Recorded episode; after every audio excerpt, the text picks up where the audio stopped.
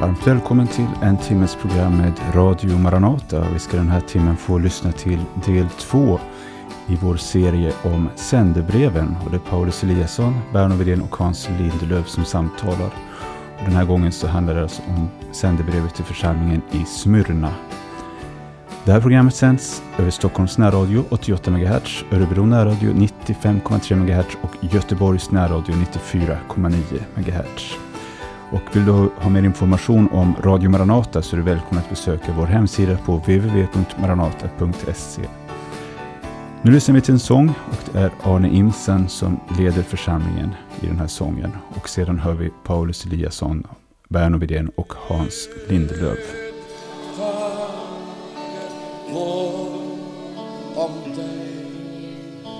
varje dygn dag stark eller svag Gud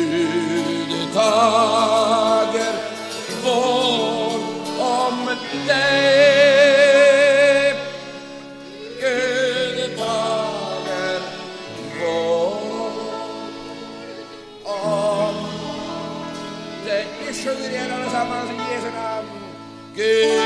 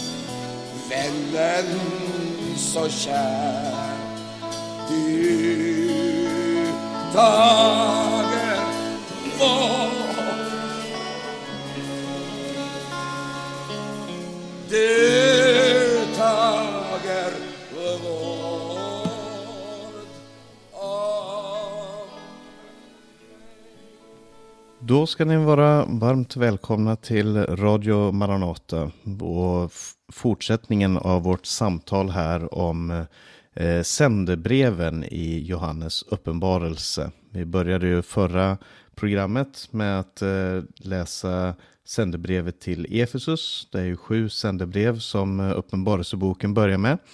Eh, och vi ska idag fortsätta. Vi får se hur långt vi kommer. Men vi som samtalar här det är eh, Hans Lindelöv, eh, Berno Widén och jag Paulus Eliasson och så är det Sebastian Widén som håller i tekniken. Eh, och som sagt, vi läste sändebrevet till Efesus. Eh, och det nästa sändebrev som eh, Jesus sänder till eh, genom Johannes till de sju församlingarna. Det är sändebrevet till Smyrna.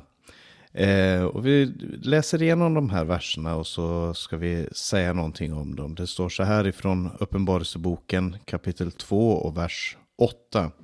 Och skriv till ängeln för församlingen i Smyrna. Så säger den första och den sista, han som var död och som lever igen. Jag känner ditt lidande och din fattigdom, men du är rik. Och hur du hånas av de som kallar sig judar, men inte är annat än en satans synagoga. Var inte rädd för vad du, kommer, vad du ska få utstå.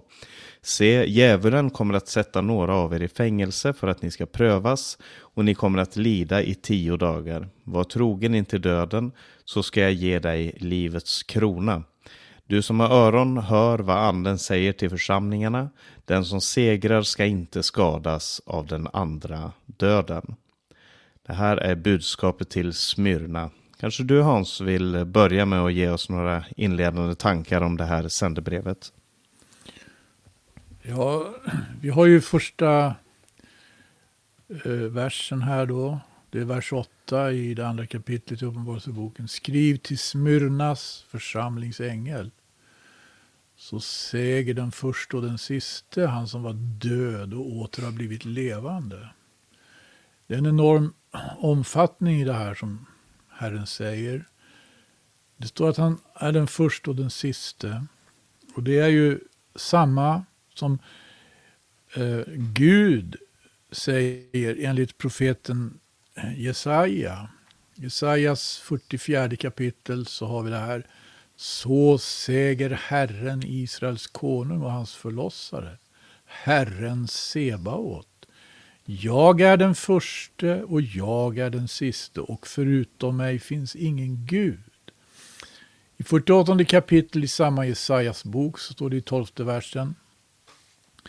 Hör på mig, du Jakob, du Israel, som jag har kallat. Jag är det, jag är den förste, jag är och den siste. Och här säger Jesus, så säger den förste och den siste. Han som var död och åter har blivit levande. Det handlar verkligen om Jesu gudom här. Mm. Ja, precis.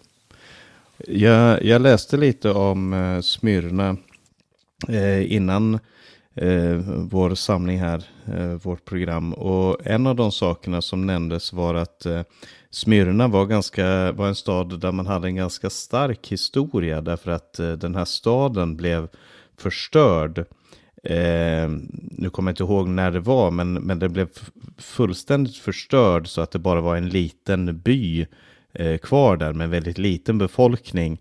Fram tills Alexander den store kom dit till, till staden och bestämde sig för att här ska jag bygga upp Smyrna till dens forna storhet och härlighet och det ska byggas upp till att bli någonting stort igen. Eh, och det gjorde han. Och det blev en, en väldigt eh, eh betydelsefull handelsstad. Det var handel mycket med Aten på andra sidan Eh, det Egeiska havet. Eh, men, och man hade i sin eh, ska man säga, i sin identitet just det här att det här var en stad som hade dött men fått liv igen. Att man liksom nu levde i, i ett slags nytt liv som, som eh stad. Eh, och, och den här författaren som nämnde det här kopplade det här till det som Jesus identifierar sig själv med. Alltså säger jag är den första och den sista, han som var död och som lever igen. Jag tror att det finns flera viktiga saker med just den här förkunnelsen att, av att han var död och lever igen. Men det var en, intressant att det, att det fanns just i Smyrna eh, den stadens retorik om sig själva, att de var döda men uppståndna igen. Eh, vad säger du Berno om, om de här eh, inledningen på den här texten? Nej, jag tänker på det som Hans nämnde här också, de, den, ur den första versen. Där det står om honom som var död och som lever igen. Och som jag har förstått brevet till Smyrna så handlar det om en församling som fick utstå mycket lidande. Man kan ju också läsa eh, det här brevet eh, rent profetiskt och se vilka lidanden som församlingen där fick utstå ända fram till eh, Konstantins tid. Då. Men, men, men just det här eh, fokuset på att Jesus var död och lever igen. Det är det som är styrkan för Smyrna-församlingen och alla församlingar. Och då, då tänker jag på det Paulus skrev till Korintierförsamlingen. Om Kristus inte har uppstått, då är er tro meningslös och ni är fortfarande kvar i era synder. Och då, då finns det liksom ingen mening överhuvudtaget. Men styrkan, det var en fattig församling, de var lidande, men de hade ändå segern i sin hand för att de var förenade med den uppståndne Jesus. Och då, då, då fanns det tydligen här inga lidanden som var för svåra. Mm. Ja, precis. Och, och, det är ju en text det här verkligen som handlar om lidande och där kan man ju eh, koppla det också till eh, ordet smyrna. Smyrna det är det samma ordet som vi har i myrra. Eh, som var en, en krydda, en, en eh, väldoftande krydda. Som bland annat användes mycket i Eh, i begravningar, i, i det som hade med begravningar att göra. Det står om, om Jesus också, att han, när han blev begraven så, så var det med, bland annat med myrra. Eh, och, och det här, eh, Smyrna var stora producenter av just myrra, eh, som kom ut, den sav som kommer ut av ett speciellt träd. Eh, och det här Eh, Eh, förädlade man då och så exporterade man det bland annat till Egypten och egentligen till, till hela världen.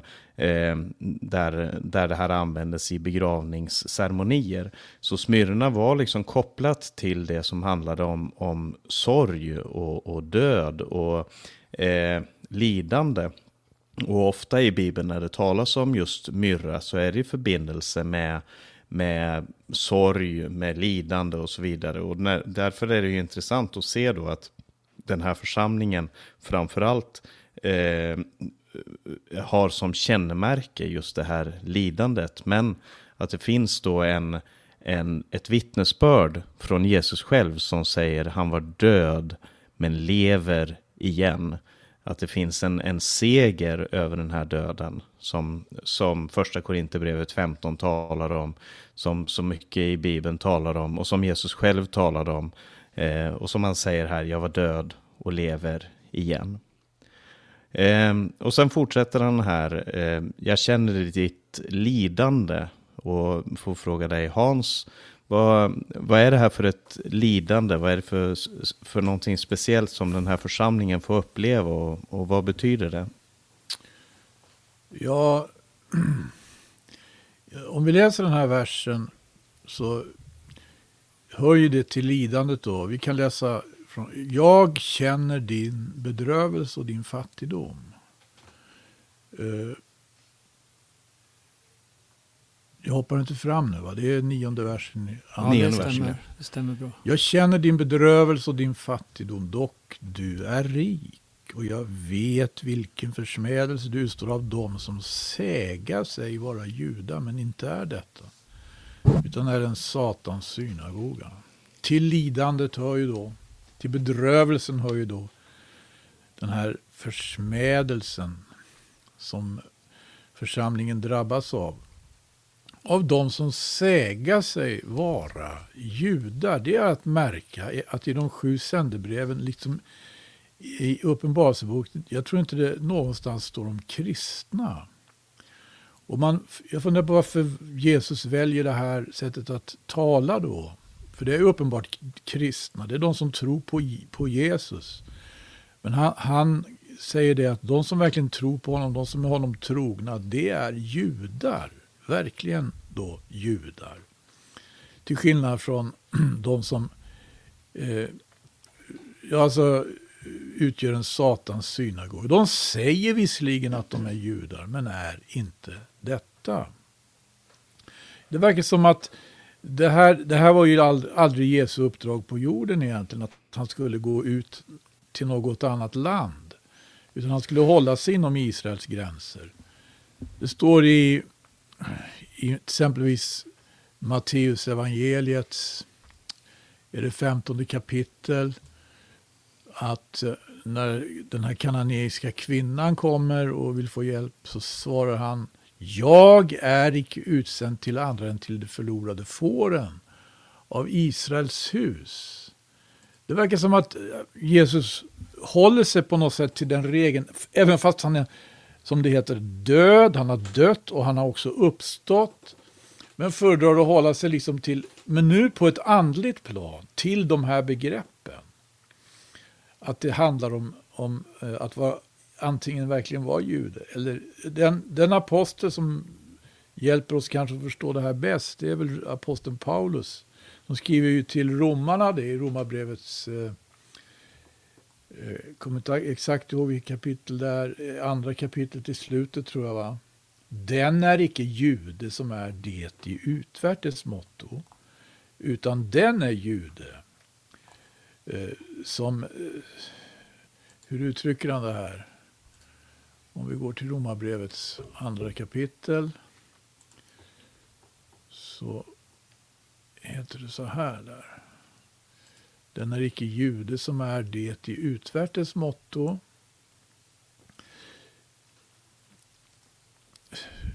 Väl är omskärelse, den är icke, det är 28 versen ja, i andra kapitlet. Den är icke jude som är det i utvärtes motto. Ej heller är det omskärelse som sker utvärtes på köttet.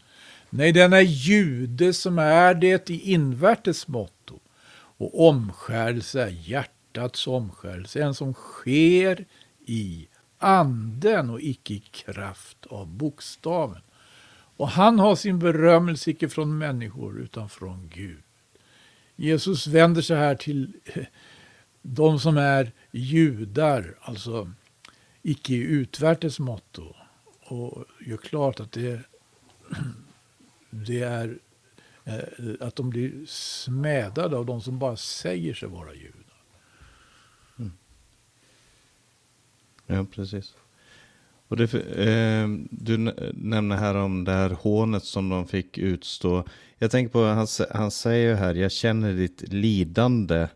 Eh, det ordet på, på grekiska heter eh, thlipsis. Eh, jag, jag, känner din thlipsis. Och thlipsis, det är ett ord som etymologiskt, även om det används olika, men, men etymologiskt så kommer det från ett ord som handlar om tyngd. Därför att eh, det var en, ett sätt att, eh, att plåga en person där man la dem på en bänk och så la man tyngder på dem tills de inte längre kunde andas. Man la alltså tyngd efter tyngd efter tyngd på, på deras kroppar tills de inte längre kunde andas. Eh, och, och det, det, är liksom grundbetydelsen. Vi, vi översätter det ibland med med prövning eller vedmöda eller lidande. Eh, men eh, och se det här framför sig, att eh, de här händelserna och de här upplevelserna var som saker och ting, på, på norska så talar man om trängsel, alltså att, att det är trångt helt enkelt. Att man, att man upplever att man inte har ett utrymme att röra sig på. Eh, och jag tror att det var någonting av det som församlingen i, i Smyrna upplevde. Därför att när man blev kristen så blev man avskuren från väldigt mycket i samhället som handlade om eh, rätten att köpa och sälja. Det handlade om eh, rätten att umgås, att vara en del av, av det sociala umgänget och så vidare. Eh, och, och det här upplevde man som, som ett lidande, som en trängsel, som en, som en, en vedmöda, för att använda ett gammalt ord. Eh, och bland annat så tog det sig uttryck då i att församlingen var fattig. Han säger, jag känner ditt lidande och din fattigdom, men du är rik. Och utan att föregripa händelserna så kan man ju säga att det här handlar ju det här är en koppling också till det som står om församlingen i Laodikea som får det motsatta. Du säger att du är rik, men egentligen så är du fattig. Eh, och den församling som då upplever Eh, den här fattigdomen som, som det här trångmålet, så det är ju också ett svenskt ord, det är gammalt i och för sig, men som, som bär någonting av den samma tanken, att det är, att det är trångt, att det är, man blir pressad. Eh, och den här fattigdomen var ett slags trångmål, men i det så fann man en rikedom. Och det är ju någonting som kommer tillbaka många gånger i skriften. Eh, inte minst i Ordspråksboken talas det mycket om det här att, att man, eh, den, någon är fattig men rik på ett annat sätt. Någon är rik men fattig i det, i det som verkligen räknas. Och både Ordspråksboken och Jesus talar om det här, apostlarna talar om det här. Vi är fattiga men vi gör andra rika. Kristus kom, han var fattig för att göra oss, i hans fattigdom har vi vår rikedom och så vidare. Eh, och, och det är ju, och Jesus kom också, säger han, för att förkunna glädjens budskap för de fattiga. Eh, så det är någonting i församlingens identitet som, som går förlorat när man upplever den här världen som sitt hem och man, man har en rikedom som hör till den här världen. Eh, det, att hånas och att vara fattig är sådana saker som, som är en naturlig del av, av församlingens liv. Eh, har du någon kommentar vidare här Berno om, om mm. vad vi möter i texterna? Ja, jag tänker återigen på det här med, som Hans eh, nämnde, eh, den som kallar sig judar. Och när man läser eh, Jesu eh, eh, gärningar då, när, när Jesus in, inledde sin tjänst här på jorden, han var ju i Nasaret. Och då, då i det sammanhanget så, så, så, säger han någonting som gör att åhörarna blir rasande. Och det handlar just om att Jesus lyfter fram då personer, änkor i Israel. Det fanns det många. Men Elia blev inte sänd till någon av dem, utan bara till en änka i Sarefat i Sidons land. Och så det fanns många spetälska i Israel på profeten Elias tid. Men ingen av dem blev renad utan bara Syrien, Naman. Och här ser man ju också hur Jesus på något sätt spränger de här gränserna men judarna eh, blev väldigt förargade. Och eh,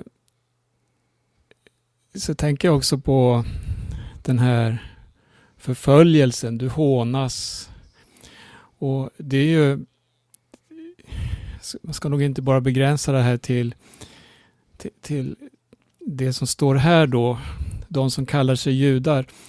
Utan överhuvudtaget är det ju för namnet Jesus som man blir förföljd.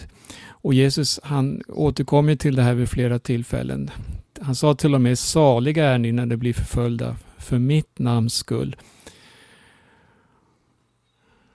Ja. Mm. Ja, precis. Och eh, det, det fortsätter ju här. Han eh, eh förklarar i vers 10. Där dels så talas det i vers 9 om den här fattigdomen som de upplevde. Eh, och som ni nämnde då om, om det här hånet som de fick utstå ifrån de som kallade sig juden men inte var något annat än en satans synagoga. Eh, och, så, och så säger han här, var inte rädd. Eh, det är ett intressant uttryck för det, det fick Johannes höra också när han, när han såg eh, Kristus, när han fick eh, när han föll ner som en död man, står det i, i kapitel 1 och vers 17. Då lägger Jesus sin hand på honom och säger, var inte rädd, jag är den första och den sista, jag är den levande, jag var död och se, jag lever för alltid och jag har nycklarna till döden och dödsriket. Så när man, när man möter Kristus så finns det all anledning för en människa att känna sig rädd, men Jesus säger var inte rädd. Och i mötet med den här världen, för en kristen så finns det all anledning också att, säga, att uppleva den här rädslan. Men än en gång så, så kommer budskapet ifrån Jesus, var inte rädd. Och så säger han, var inte rädd för vad du ska få utstå.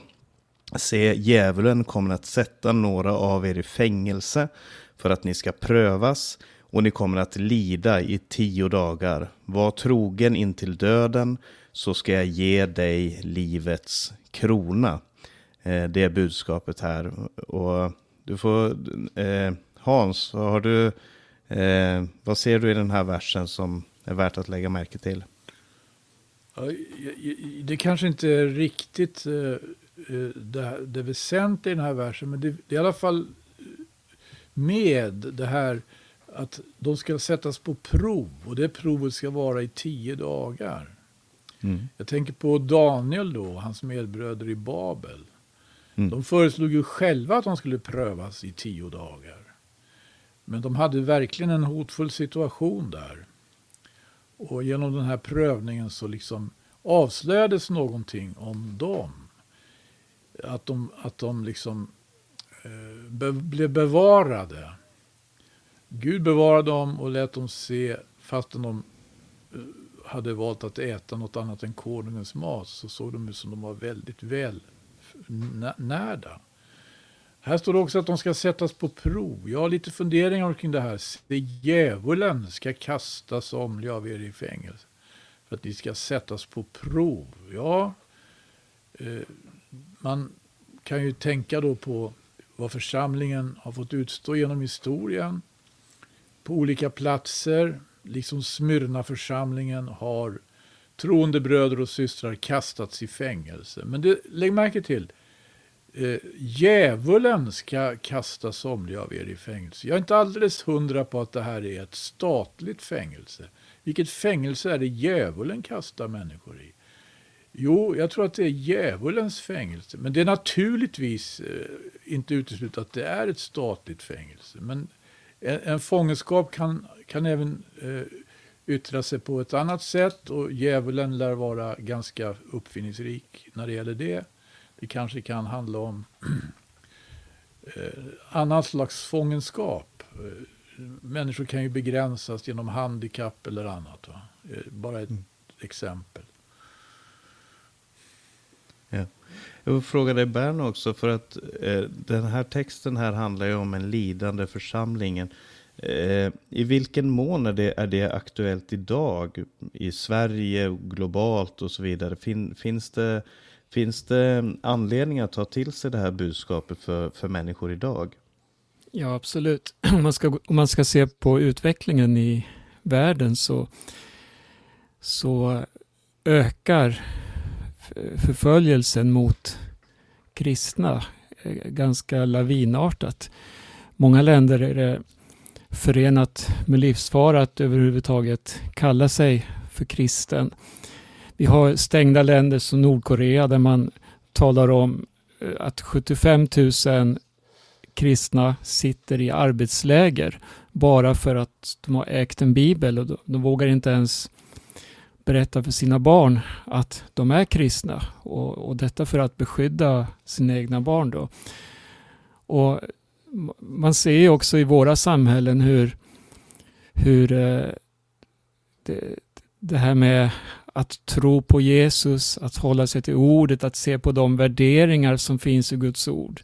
Det som handlar om eh, familjen, äktenskapet och så vidare. Eh, Sånt här anses vara diskriminerande då mot eh, samhället i övrigt. Så, och, och, så vänder man detta eh, budskap mot de kristna och många kallas för fanatiska, många blir eh, benämnda med sekt och så vidare. Just för namnet Jesus skull. Men, men, men får jag bara gå till den här texten lite. Ja. Det står ju här om tio dagar och må, många ser ju det här som en referens på tio förföljelser som eh, församlingen då fick utstå under den här tiden. Och när man läser historien om Smyrnaförsamlingen från då Johannes skrev och, och, och fram till år 313 kan man nog säga så, så, så, så, kan man utläsa just tio förföljelser som var väldigt grymma just mot den här församlingen. Och Jag tror att det finns något där också man kan lära av, för ordet är ju profetiskt, även om, om det är skrivet till församlingen där och då. Och så rymmer mycket Guds ord. Det visar, pekar framåt också. Mm. Ja, precis. Jag, jag, tänker på det här att han, att han eh, nämner djävulen två gånger här. Dels talar han om en satans synagoga och sen så säger han att djävulen kommer att sätta några av er i fängelse för att ni ska prövas. Eh, och eh, jag tänker för församlingen i Smyrna, den här lilla gruppen, det var antagligen inte en stor församling. En handfull, kanske något, några dussin eh, syskon som, som var eh, som bekände sig till Jesus och som upplevde den här förföljelsen, utestängandet, hånet, fattigdomen eh, och, och den här, ja, det här som nämns här då. Eh, och, och de måste ju ha frågat sig vad, liksom, vad är det för makt som ligger bakom det här? Vad, är det kejsaren som vi, ska, som vi strider emot? Är det den lokala guvernören som vi strider emot? Är det de här soldaterna som är våra motståndare? Är det de här som kallar sig för judar men inte är det som är våra motståndare? Men eh, det verkar som att Jesus vill sätta fokus på att det finns en makt som ligger bakom allt det här, allt av människans ondska. Precis som aposteln Paulus säger att vår, vår kamp är inte mot kött och blod, utan det är mot de andemakter, de ondskans här, härsmakter som härskar här i eh, vår värld, i vår, vårt kosmos. Och, och där vill eh, Jesus också berätta för församlingen Ja, det är fruktansvärt det ni upplever och det är därför att den makt som ligger bakom det här, det är djävulen själv. Han är vred därför att han har, han har förlorat makten Eh, över döden, över dödsriket. Det är nu Jesus som är den som var död och som lever igen och som kan ge löfte till sina efterföljare om ett nytt liv. Och hans enda makt, det, det är den här våldet, döden, förstörelsen, ödeläggelsen, alla de här eh, destruktiva krafterna i den här världen. Och därför så använder han dem i, i den mån han kan. Och det fick ju den första församlingen uppleva, som du nämnde här Berno, om de här förföljelserna som gick över dem.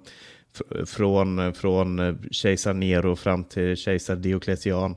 Eh, så, så, så är det inte konstant förföljelse, men i perioder. Och bland annat så finns det ju, han, han säger här, djävulen kommer att sätta några av er i fängelse för att ni ska prövas. Och på, på precis den här tiden så var ju eh, Pol, Polycarp, eller Polycarpus, han var ju en eh, ung man. Ja, Polycarpus heter han på. Jag, mm. jag läser norska och engelska. ja. Polycarp och Polycarp. Men Polycarpus, han, han levde ju mellan år 69 och 155 och om det här nu är skrivet på 90-talet, runt 90-95, eh, under den förföljelsen som var då, eh, i så fall så var ju han runt 25 år, något sånt, när det här blev skrivet. Eh, och han, när han var 80, 86 eh, år, så blev ju han satt i, i fängelse och, och under den förföljelsen som var då runt år 155 så, mm. så blev han satt i fängelse och han blev också först hotad med, med döden, att han skulle brännas upp. Eh, han skulle ges till lågorna. Eh, men den här domaren ville vara god mot en gammal man och det berättas då, inte i Bibeln, men, men i utombiblisk litteratur så berättas det att han fick det här erbjudandet att bara du är en gammal man, säg, eh, vi, vi, ska, vi ska låta udda vara jämnt och om du bara förnekar Jesus, om du, om du lämnar det här så ska du få leva resten av ditt liv eh, och, och, få avsluta dina dagar utan det här fruktansvärda straffet. Och han sa då de här berömda orden, Polycarpus, att eh, i 85, 86 år har jag tjänat eh, min herre och han har inte gjort mig annat än gott. Varför skulle jag nu förneka honom? Och han blev ju då en martyr som 86 år gammal. Och det är ju helt klart att eh, med, där i Smyrna så fick man uppleva den här på, på kroppen, bokstavligt talat. Att eh, sättas i fängelse, att prövas, att lida. Eh, och så har de det här löftet då, var trogen in till döden så ska jag ge dig livets krona. Och krona på på eh, gre grekiska heter Stefanos, som är känd som eh, ett namn också, Stefanus, som ju var den första kristna eh, martyren. Han, mm. han som var den första som, som blev krönt med den här lidandets krona, med livets krona eh, efter pingsten, när han, när han gav sitt vittnesbörd som vi kan läsa om i Apostlagärningarna. Så det finns verkligen en, en historia om, om eh, kristna som har lidit, som har kämpat eh, och som inte har förväntat sig något annat av det här livet på jorden än, än att få uppleva de här sakerna. Och det har de också fått göra. Jag tänker, är det, det någonting det, som... Ja, ja det, jag tänker på det här eh, när man läser då om de här förföljelserna. Eh, det, det står ju ingenting i Nya Testamentet, vad jag vet, om att apostlarna och de kristna församlingarna engagerade sig då eh, politiskt för att få förändringar till stånd och att man nu skulle satsa och kräva sin rätt för religionsfrihet och så vidare. Utan eh, det man möter, det är det här eh, som står här, var trogen inte döden, jag ska ge dig livets krona.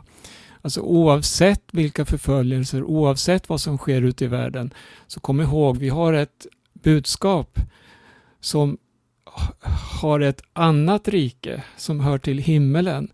Och det är så mycket högre och det, det kan aldrig någonsin tas ifrån er, oavsett vad ni får genomgå. Och, och, så, och så, så tänker jag på det här att de länder där förföljelsen är som svårast, där ser vi också eh, störst frukt, alltså flest omvändelser.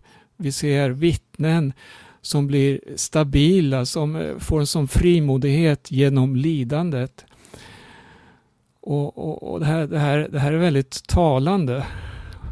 Just att på det sättet erkänna sig till ett annat rike och det gör att man blir en stark kristen i de här svåra situationerna. Mm. Ja, precis. Vad säger du Hans? Vad, vad, kan vi lära oss av Smyrna och av budskapet till Smyrna? Är det någonting som vi borde ta med oss från den här texten? Ja, du hade ju intressanta historiska perspektiv där. Uh, och jag vet inte, jag bara funderar lite fritt här nu vi, vi, vet ju att den här staden finns ju kvar. Den heter Izmir numera va? Det är Smir mm. finns ju i alla fall kvar där. Och vi hörde ju för några år sedan hörde vi om en och den, den finns ju i Turkiet. Det, och det är klart, läsa de här sändebreven, tänka på de församlade, tänka på Turkiet. Turkiet är ett muslimskt land. Ändå finns där den gamla ortodoxa kyrkans högsäte, om man säger den ortodoxa så kallade ekumeniske patriarken i Istanbul. Men det var en eh, evangelisk församling i just Izmir som utstod svår förföljelse som vi hörde om för några år sedan. Eh, jag vet inte, för övrigt vet du det Paulus, om de, några av de här Eh, finns alla de här orterna kvar egentligen? Eller, eh, en del är väl bara eh, stenhögar? Hur ser det ut? Det, det, det är många av dem som är stenhögar. Jag vet att Izmir finns kvar och Philadelphia finns kvar. Det finns ju också eh, Efesus menar jag eh, finns kvar. Nu har jag inte varit ett tag sedan jag, jag studerade de här eh, allihop. Men jag, jag menar att i alla fall Philadelphia och, och eh, Izmir finns kvar. Det är inte bara ruiner. Nej. Eh, Vi är inne på sista versen nu här i, i sändebrevet. Har vi läst den egentligen? Eh, nej, det har vi inte. Där står det, den som har öron hör vad anden säger till församlingarna. Den som segrar ska inte skadas av den andra döden. Vill du säga något om det Hans? Ja, det är ju samma budskap här som, som upprepas i slutet av varje sändebrev.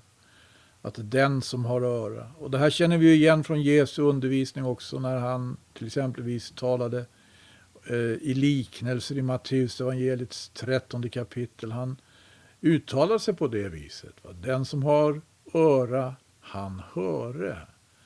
Det här är alltså präglat av och tydligt eh, består i Jesus själv. Det är hans sätt att uttrycka sig. Eh, Den som har öron hör vad anden säger till församlingen. Det är väldigt viktigt det att det är anden också här.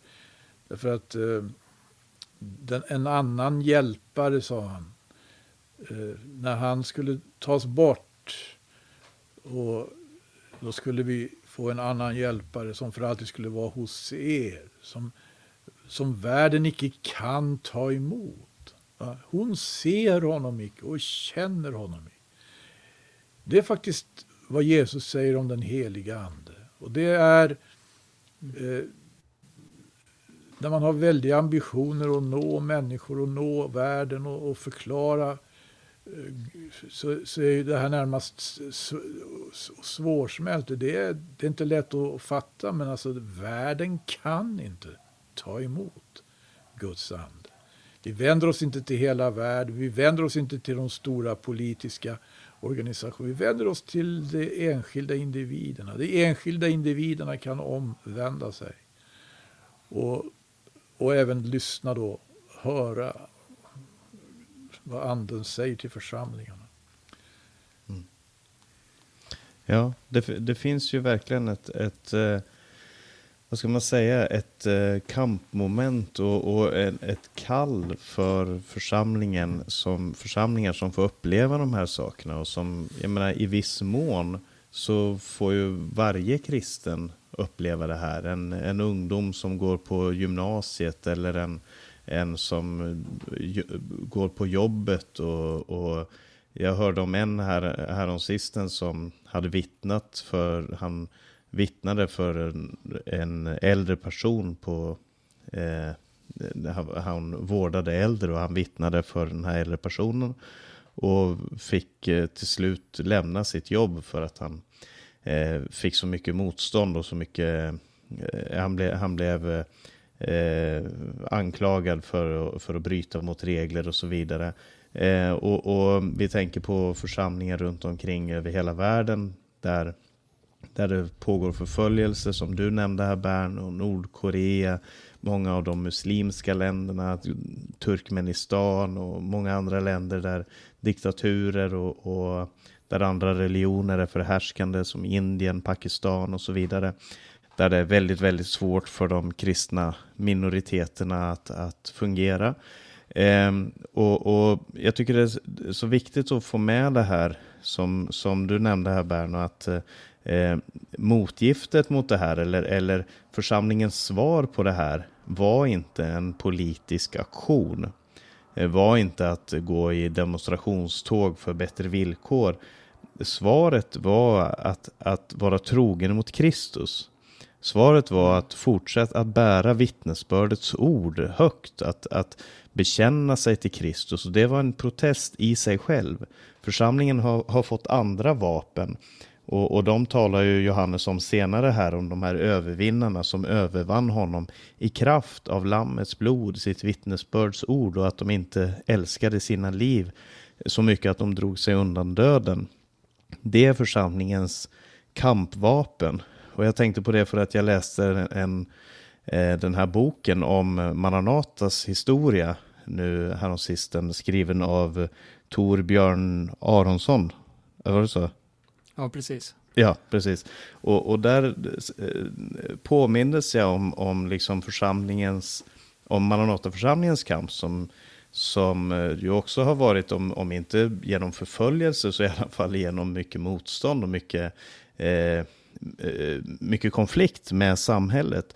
Att, att hela tiden så har den här eh, önskan inte varit att, att stå som en politisk makt eller, en, eh, eller att bära, eh, eh, eh, bära fram budskapet på samma sätt som det här samhället gör, utan alltid en längtan att vara trogen emot Guds ord, emot Kristus, mot det vittnesbörde som är nedlagt i eh, den som tror på honom. Och med det som utgångspunkt, även om för samhället inte förstår det, de kan inte alltid förhålla sig till det. Men till syvende och sist så är det det som är vår kampsak. Det är det som är vår kamp. Vi kämpar inte mot kött och blod. Vi kämpar inte på den här världens vis. Men vi har den, en verklig kamp att kämpa som befinner sig. Ibland eh, överlappar det. Ibland så blir församlingen uttalar sig i politiska frågor om, om abort, om, om eh, eh, samkönade äktenskap och så vidare. Men till syvende och sist så är församlingen någonting som står över de här planen och vår tro, eh, därför att vår trohet är svuren mot Kristus och inte mot någonting som finns i den här världen. Mm. Så det handlar väl till syvende och sist om att det vi gör vill vi göra med evighetsvärden. Alltså söka det som har värde inför Gud och det som ja, sparas i de himmelska skatterna så att säga. Mm. Samla inte skatter här på jorden. Det är också ett stort ämne som jag tycker inrymmer de här sakerna vi samtalar om här. Mm. Och, och, när man har det här perspektivet att vi, vi tjänar den som var död och som lever igen. Och som dessutom har gett det här löftet, var trogen in till döden så ska jag ge dig livets krona. Alltså när man har ett helt annat perspektiv på sitt liv. Som inte gör livet innehållslöst eller, och som inte gör livet liksom, ja ja men det blir, det blir smör ovan när vi dör. Eh, som några anklagar kristna för att liksom hamna i en passivitet här på jorden därför att eh, det är i himlen som vi ska ha det bra. Det är när, när Jesus kommer tillbaka som allting ska, eh, som vi ska börja leva. Men jag tycker att det här evighetsperspektivet, det ger ett starkare incitament för, för livet här på jorden här och nu också.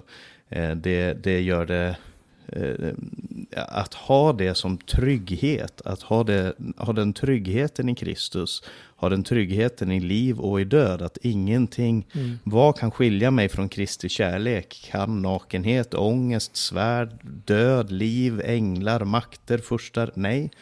Säger Paulus i Romarbrevet 8, jag är viss om att ingen av dessa sakerna kan skilja mig från Jesu Kristi kärlek. Och det, det gör församlingen till någonting helt annat. Inte bara eh, en annan filosofi eller andra tankar, utan det gör församlingen till någonting helt unikt. Församlingen har ju faktiskt det som varenda människa söker efter. Vi, vi, har, vi har ett budskap, vi har något att erbjuda som kan hjälpa människor att bli befriade från ångest, från den här oron, från den här jakten i samhället, från, ja, från så oerhört många destruktiva krafter. Och för just i namnet Jesus så finns det ju frid. Mm. Och det står människor timmar i kö för att köpa på systemet. Och där tror man man ska finna det, eller i apoteken. Men evangelium, det är frid för människan. Det är ett, ett glädjens budskap. Och det tror jag vännerna i Smyrna upplevde också. Annars hade de inte eh, stått fasta i den tron som de hade och med den bekännelsen under de, de lidanden de fick utstå. de visste att de hade något som var mycket större, något, något bestående och något som Gud hade gjort i deras liv. Mm. Och där kan vi se på, på alla apostlarna. Eh, det är också ett vittnesbörd om hur sant evangelium är. Jag tänker på hur apostlarna eh, stod fast eh, vid, vid Jesus genom alla förföljelser. Det hade de inte gjort om det var något de själva hade hittat på.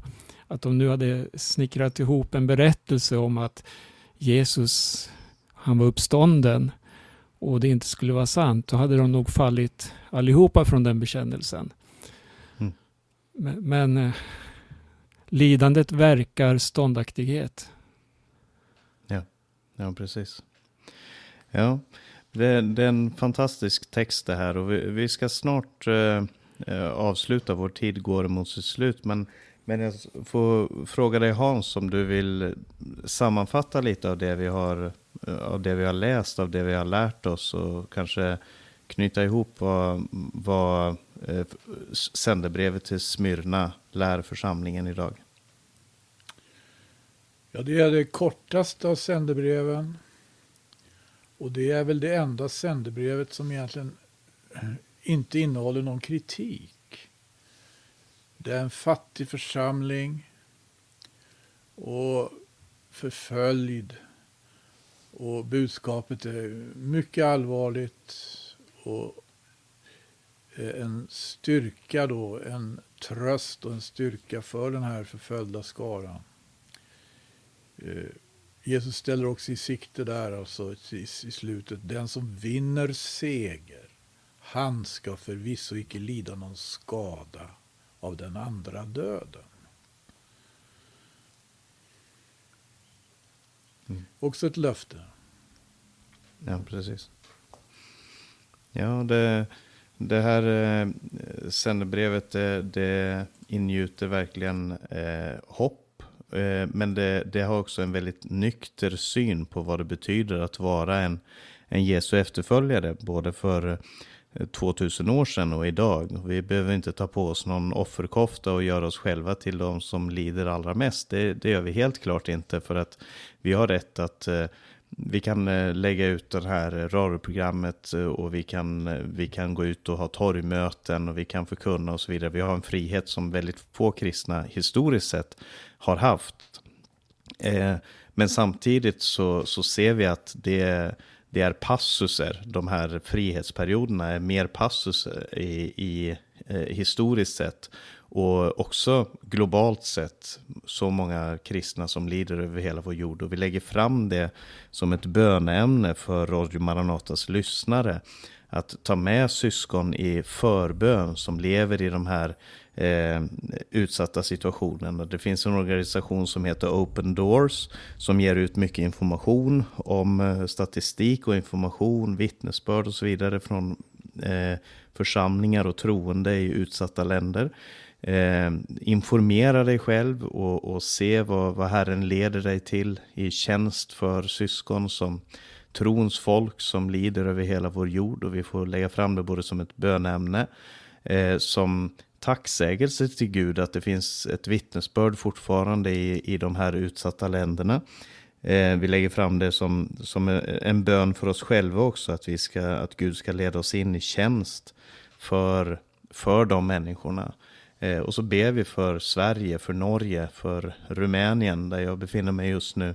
Eh, och ber att det ska, eh, eh det här längtan efter att få möta Kristus och, och längtan efter att få uppleva hans liv, att det ska verkligen prägla våra liv. Att vi ska se den här kampen som vi befinner oss i, men också den seger som Jesus redan har vunnit för oss.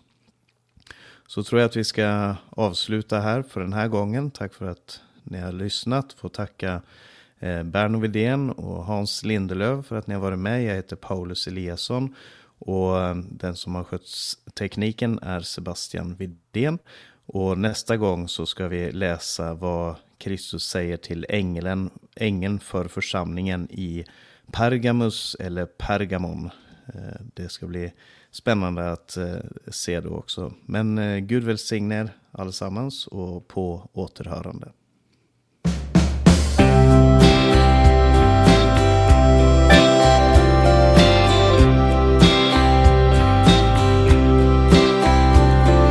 There's a crown to win, there's a cross to bear, there's a suffering for his kingdom here, there's a battle to fight for each one of us. But in the darkest night, I can see a light,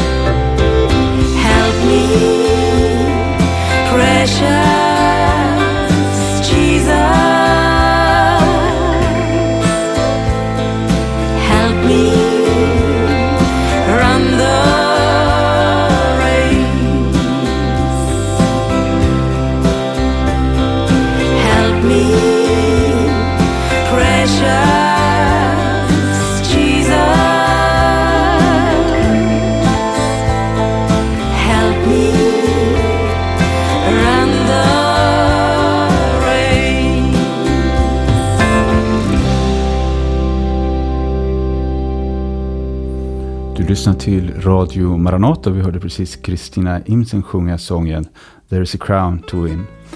Tidigare hörde vi Paulus Eliasson, Berno Widén och Hans Lindelöf som samtalade över sändebreven. Och det här var del två i en serie som vi började för ett par veckor sedan. Och idag handlade det alltså om sändebrevet till Smyrna. Vill du ha kontakt med oss, vill du ha mer information så är du välkommen att besöka vår hemsida på www.maranata.se eller ringa 070-201 6020. Det går även bra att mejla oss på infosnabelamaranata.se. Och det här programmet har sänds över Stockholms närradio 88 MHz, Örebro närradio 95,3 MHz och Göteborgs närradio 94,9 MHz. Innan vi går ur etern så hör vi ytterligare några toner på en sång och det är Kristina Imsen som sjunger En liten tid.